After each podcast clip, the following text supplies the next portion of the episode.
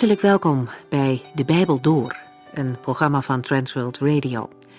De Bijbel Door is een radioserie die u in vijf jaar meeneemt door de hele Bijbel. Van Genesis 1 tot Openbaring 22.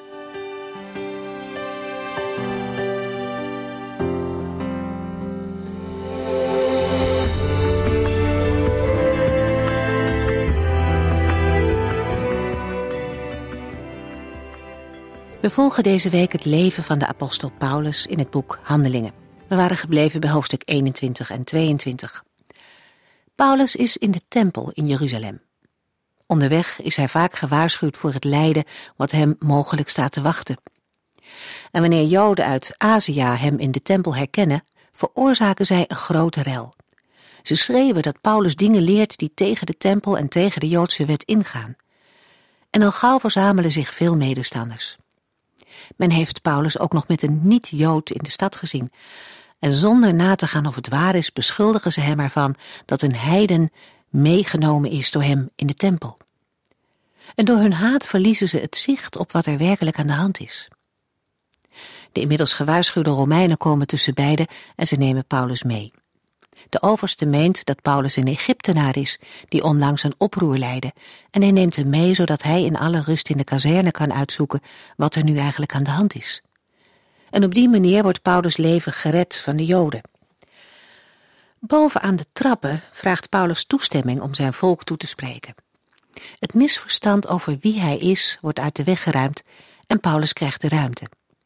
Hij wil zichzelf niet vrijpleiten, maar voor alles getuigen van de grote dingen van de Heere. Hij spreekt hen aan met broeders en vaders. Ondanks alles wat de Joden hem al jarenlang hebben aangedaan, gaat zijn hart en bewogenheid nog altijd naar hen uit. Paulus laat zo ook zien dat hij een van hen is. Als hij dan vertelt hoe hij ontdekt heeft dat Jezus de Messias is, noemt hij twee vragen die hij in de tijd heeft gesteld. Onderweg naar Damaskus, toen het licht uit de hemel scheen, vroeg Paulus allereerst: Wie bent u, Heer? En daarna: Wat moet ik doen, Heer? Een christenleven begint niet met dingen doen voor God, maar begint met het leren kennen van Hem. En dan pas volgen de daden. We lezen verder in Handelingen, hoofdstuk 23.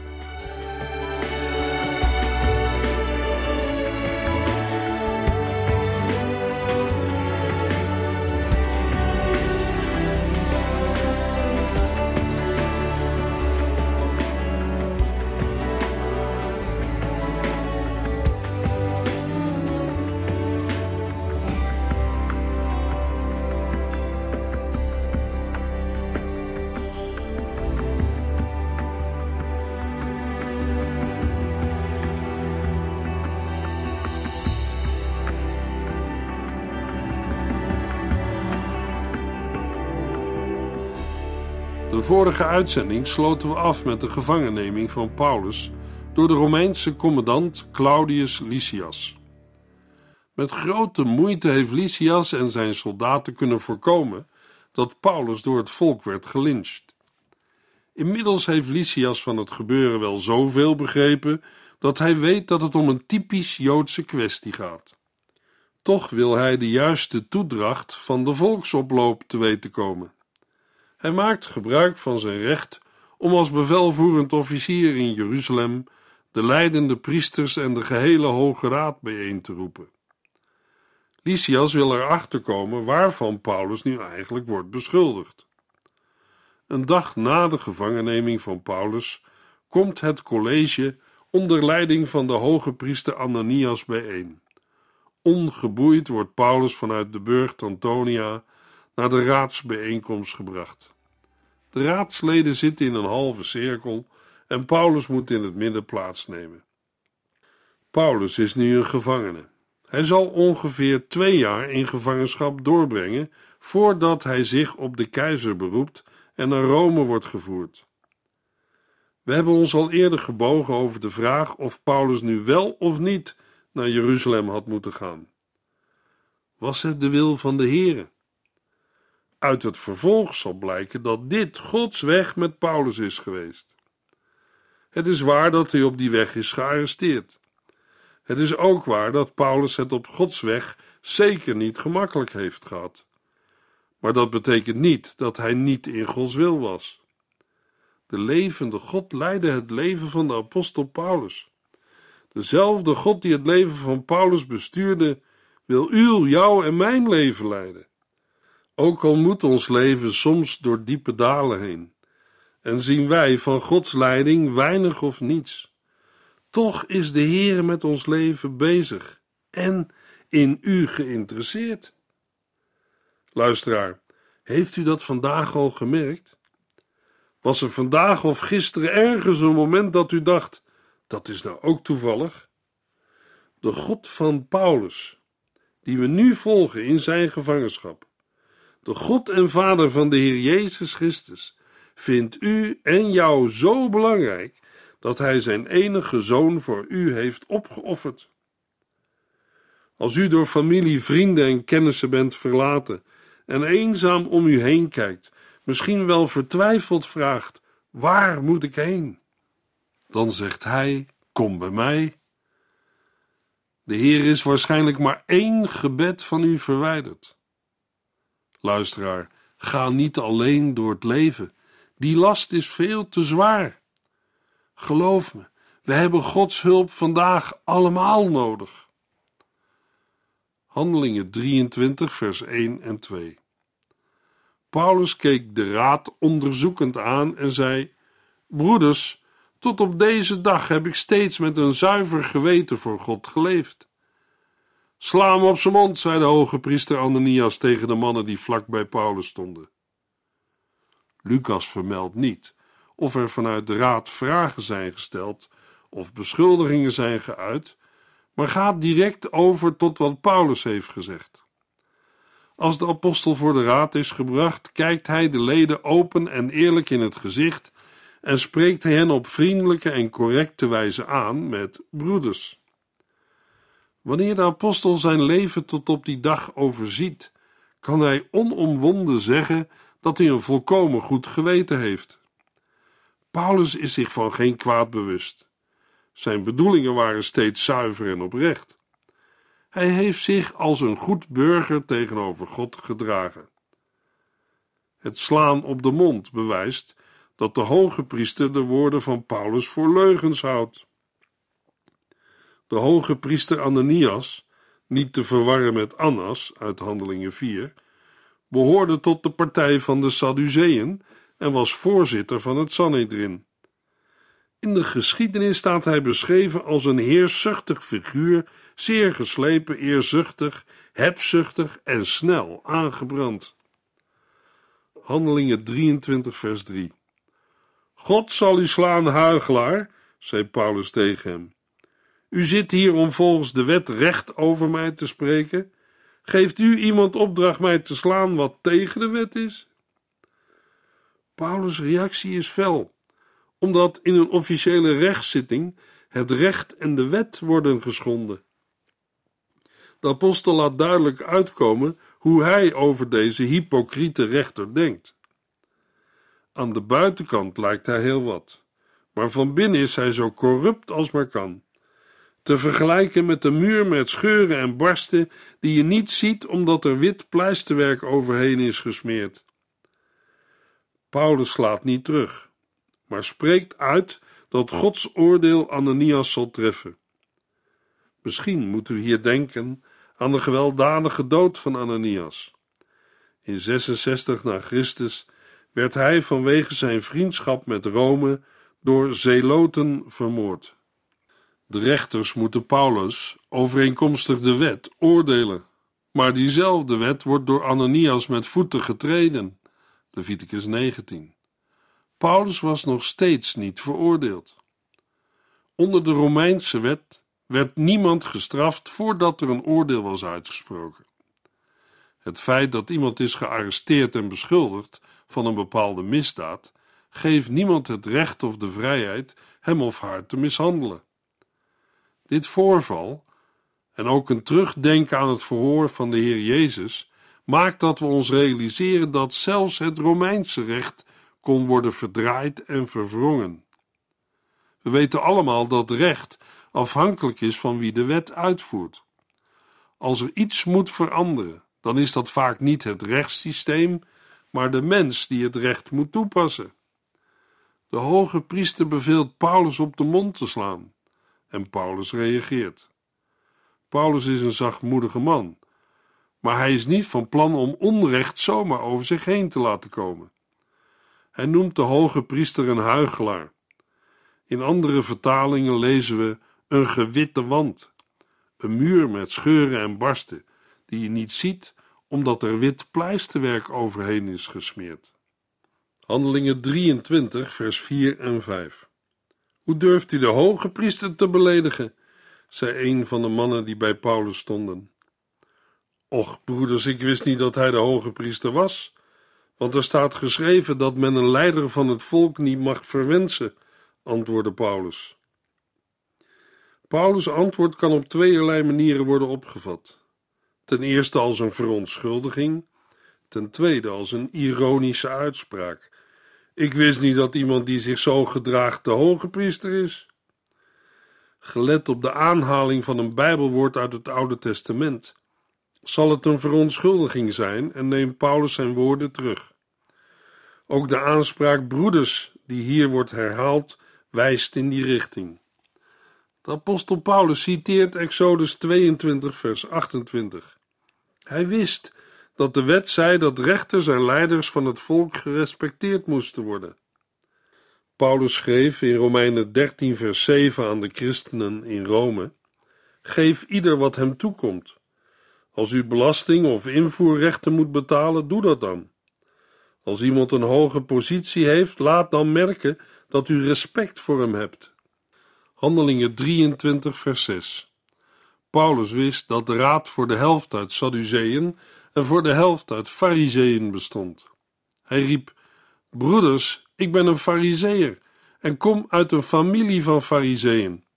Ik sta hier vandaag terecht omdat ik verwacht dat de doden weer levend zullen worden. Paulus is een Fariseer. Hij was een leerling van Gamaliel geweest.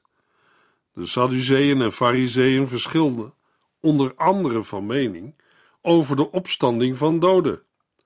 Paulus is op de hoogte van de verschillen en verklaart zich één met de Fariseeën.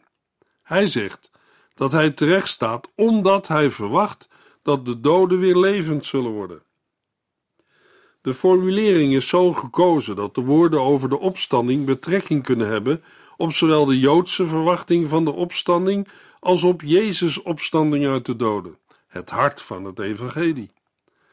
Het gevolg is dat er in de vergadering een oude discussie oplaait tussen Fariseeën en Sadduceeën.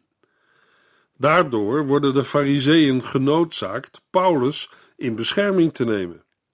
Handelingen 23, vers 7 tot en met 9. Door die woorden ontstond er oneenigheid tussen de Fariseeën en de Sadduceeën. Weg was hun eensgezindheid, want de Sadduceeën zeggen dat de mens na zijn dood niet meer levend kan worden en ook dat er geen engelen en geesten bestaan. Maar de Fariseeën zijn het daar niet mee eens en leren het tegenovergestelde.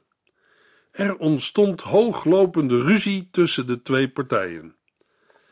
Enkele Fariseese Bijbelgeleerden sprongen voor Paulus in de bres en zeiden: Volgens ons is er niets op deze man aan te merken. Het is best mogelijk dat een geest of een engel met hem heeft gesproken. De Fariseeën en Sadduceeën staan niet langer broederlijk tegenover Paulus, maar vliegen elkaar in de haren. Er wordt heftig gediscussieerd, waarbij een aantal raadsleden ook letterlijk van hun plaats opstaan. Handelingen 23, vers 10. De ruzie liep zo hoog op en er werd van weerszijden zo hard aan Paulus getrokken, dat de commandant bang was dat ze hem zouden verscheuren. Daarom liet hij hem bevrijden uit de handen van de strijdende partijen en naar het fort brengen. De Romeinse commandant heeft de heftige discussie een tijdje laten gaan, maar grijpt dan in. Hij is bang dat het leven van Paulus gevaar loopt. Er wordt door beide partijen behoorlijk aan Paulus getrokken. Claudius Lysias, geeft bevel aan zijn soldaten om Paulus buiten hun bereik te brengen.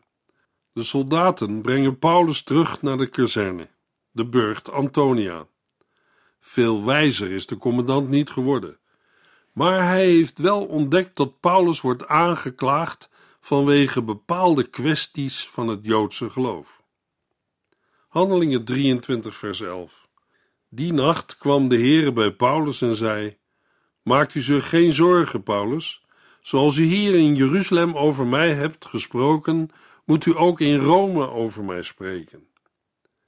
In de nacht die volgt krijgt de apostel van Gods wegen een bemoediging. Het is de opgestane Heer Jezus Christus die hem aanspoort vol te houden. Paulus heeft in Jeruzalem zowel voor het volk als voor de leiders van Jezus Christus getuigd. Maar dat getuigenis moet tot in Rome klinken. De arrestatie van Paulus heeft een bedoeling van Gods wegen. Dit is de weg van de Here. Langs deze weg moet Paulus uiteindelijk in Rome getuigen. De volgende hoofdstukken die we in Handelingen gaan lezen, zijn dan ook één lang verslag van Paulus' weg naar de hoofdstad van het Romeinse Rijk. Handelingen 23, vers 12 tot en met 15. De volgende morgen beraamde een aantal Joden een samenzwering om een aanslag te plegen op Paulus. Onder een vloek verplichtten zij zich ertoe niets te eten of te drinken, zolang zij hem niet hadden gedood. Meer dan veertig mannen namen aan deze samenzwering deel.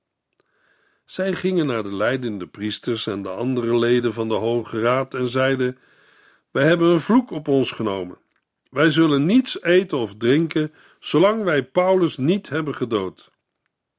Vraag de commandant om Paulus nog eens voor de raad te brengen, omdat u zijn zaak nauwkeuriger wilt onderzoeken. Voordat hij hier komt, zullen wij hem vermoorden. Wij zijn er klaar voor. De dag na het getuigenis van Paulus voor de Joodse raad en de nachtelijke bemoediging van de Heer Jezus is er een groep Joden bij elkaar voor een samenzwering tegen Paulus. Ze willen hem vermoorden. Door tussenkomst van de Romeinen was een eerdere poging om hem om te brengen mislukt. Maar nu moet het gebeuren. Ze zijn zelfs bereid om het Romeinse escorte te overvallen en Paulus te doden. Dat het hun ernst is, blijkt uit het feit dat ze zichzelf vervloeken. Dat wil zeggen, als ze er niet in slagen Paulus te doden, dan ligt er een vloek op hun leven en mag God hen zwaar straffen. In hun fanatisme zweren zij een eed. Ze zullen niet eerder eten of drinken voordat ze hun plan hebben uitgevoerd. Aangezien de moordaanslag uiteindelijk niet is gelukt, kunnen we ons afvragen wat er van deze mannen is geworden. Meestal wisten de rabbijnen wel een manier te vinden om in zo'n situatie iemand van zijn eed te ontslaan. Net als bij de Heer Jezus is ook nu de Joodse overheid betrokken bij deze moordaanslag. Het plan voor de aanslag geeft nog eens aan hoe fanatiek deze mannen zijn. Paulus zal ongetwijfeld onder bewaking worden overgebracht. Een poging om de apostel om te brengen zou dan, afgezien van de vraag of het zou gaan lukken, ook zeker mensenlevens kosten. Handelingen 23, vers 16 tot en met 18. Maar een neef van Paulus hoorde over dit complot en ging het zijn oom in het fort vertellen. Paulus riep een van de officieren en zei: Breng deze jonge man naar de commandant. Hij heeft hem iets belangrijks te vertellen. De officier bracht hem bij de commandant en zei: Paulus, onze gevangene, riep mij en vroeg deze jonge man bij u te brengen, omdat hij u iets te vertellen heeft. Dat de Heere de situatie in zijn handen houdt, blijkt ook nu. Het is zijn wil dat Paulus niet wordt vermoord, maar zal getuigen in Rome. Paulus heeft familie in Jeruzalem. Er woont een getrouwde zuster van hem. Het is haar zoon, een neef van Paulus, die van de hinderlaag hoort. Hoe hij aan zijn informatie is gekomen, wordt niet vermeld. Hij gaat ermee naar zijn oom en vertelt wat hij heeft gehoord. Contact met de gevangenen was ook in die tijd mogelijk en noodzakelijk, omdat familieleden of vrienden vaak voor kleding en voedsel moesten zorgen. Bovendien was Paulus een Romeins burger en geen levensgevaarlijke misdadiger. Zijn gevangenschap zal niet al te streng zijn geweest. De neef van Paulus wordt op verzoek van Paulus naar de commandant gebracht. Handelingen 23, vers 19 tot en met 22. De commandant nam de jonge man bij de hand en toen ze alleen waren, vroeg hij: Wat heb je me te vertellen? De Joden hebben een afspraak gemaakt, zei Paulus' neef. Zij zullen u morgen vragen Paulus nog eens voor de raad te brengen, zogenaamd om hem nader te ondervragen. Maar u moet dat niet doen, want veertig van uw mannen liggen in een hinderlaag om Paulus te vermoorden. Ze hebben allemaal een vloek op zich genomen om niet te eten en te drinken voor Paulus dood is. Zij staan nu al klaar, omdat zij verwachten dat u zult doen wat de leidende priesters u zullen vragen. De commandant zei dat de jonge man kon gaan en voegde er streng aan toe: Laat niemand weten dat je me dit hebt verteld. De informatie die de jonge man aan de commandant geeft, gaat gepaard met een dringend advies. U moet niet doen wat ze u vragen. Het gaat om een hinderlaag. Het enige wat nog ontbreekt, is uw toestemming om Paulus opnieuw te mogen verhoren.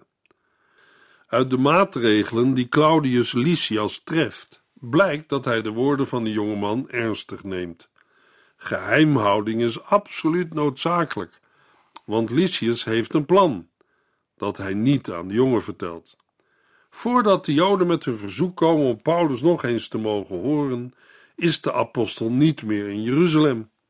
En als niemand te weten komt dat Lysias van de samenzwering op de hoogte is, kan zijn maatregel om Paulus met spoed over te brengen naar Caesarea niet verkeerd worden uitgelegd of ingevuld. De commandant komt in actie, want een gewaarschuwd man telt voor twee. Handelingen 23, vers 23 en 24. Hij riep twee van zijn officieren en zei tegen hen: Vanavond om negen uur moeten 200 soldaten klaarstaan om naar Caesarea te gaan en ook nog 200 speerdragers en 70 ruiters. Zorg ervoor dat Paulus een paard krijgt en breng hem veilig bij gouverneur Felix. Lysias neemt onmiddellijk maatregelen. Het leven van zijn gevangenen loopt in Jeruzalem groot gevaar.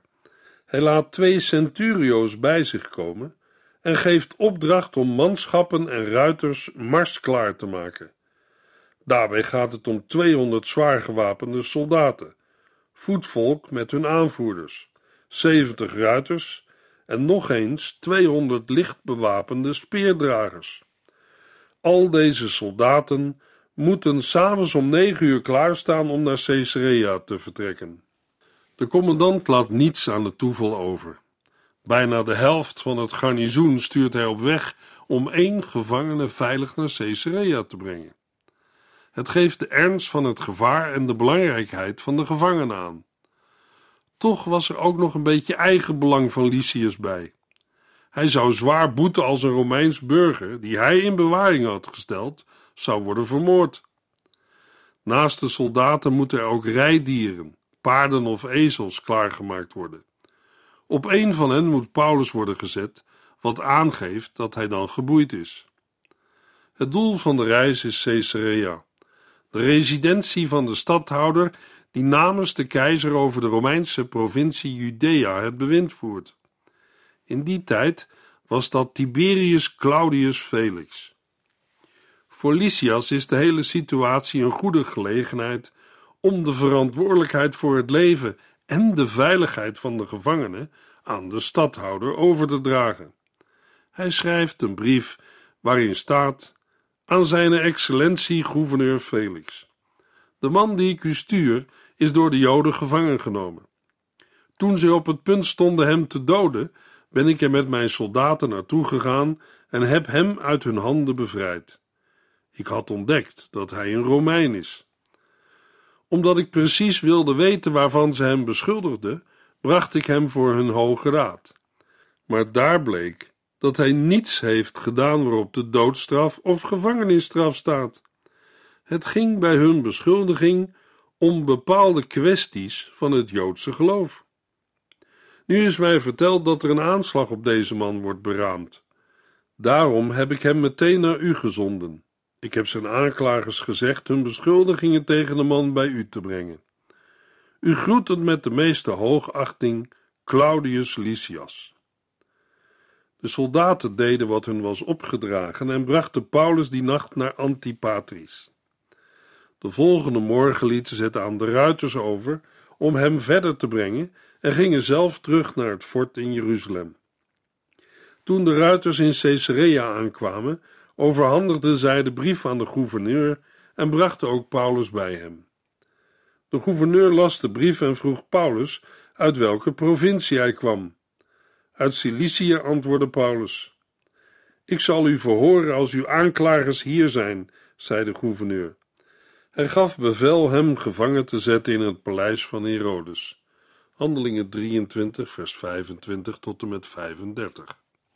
De brief van Felix is niet op alle plaatsen in overeenstemming met de feiten. Het is waar dat Lysias Paulus heeft ontzet, maar de reden daarvoor was niet omdat Paulus een Romeins burger was. Lysias dacht eerst dat Paulus een al lang gezochte opstandeling was. In de brief schrijft Lysias indirect dat Paulus onschuldig is.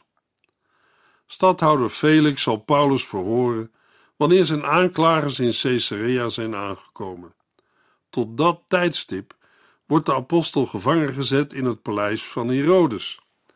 Dat wil zeggen het paleis dat door koning Herodes is gebouwd. Het duidt hier op de ambtswoning van de stadhouder in Caesarea. In het paleis waren goede mogelijkheden voor het in bewaring houden van gevangenen. Omdat Paulus van een lagere naar een hogere functionaris van het Romeinse Rijk overgaat, begint het proces van aanklagen en verdedigen weer helemaal opnieuw. In de volgende uitzending lezen hoe het verder gaat met Paulus bij gouverneur Felix in Handelingen 24.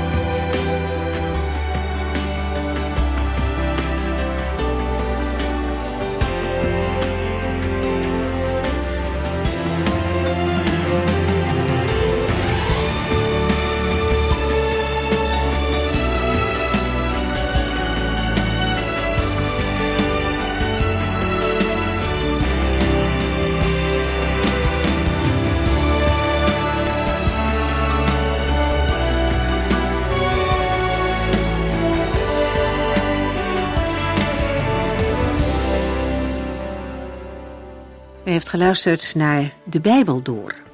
In het Nederlands vertaald en bewerkt door Transworld Radio. Een programma waarin we in vijf jaar tijd de hele Bijbel doorgaan. Als u wilt reageren op deze uitzending of u heeft vragen, dan kunt u contact met ons opnemen. Tijdens kantooruren kunt u bellen op 0342 47 8432. 0342 47 8432. 32.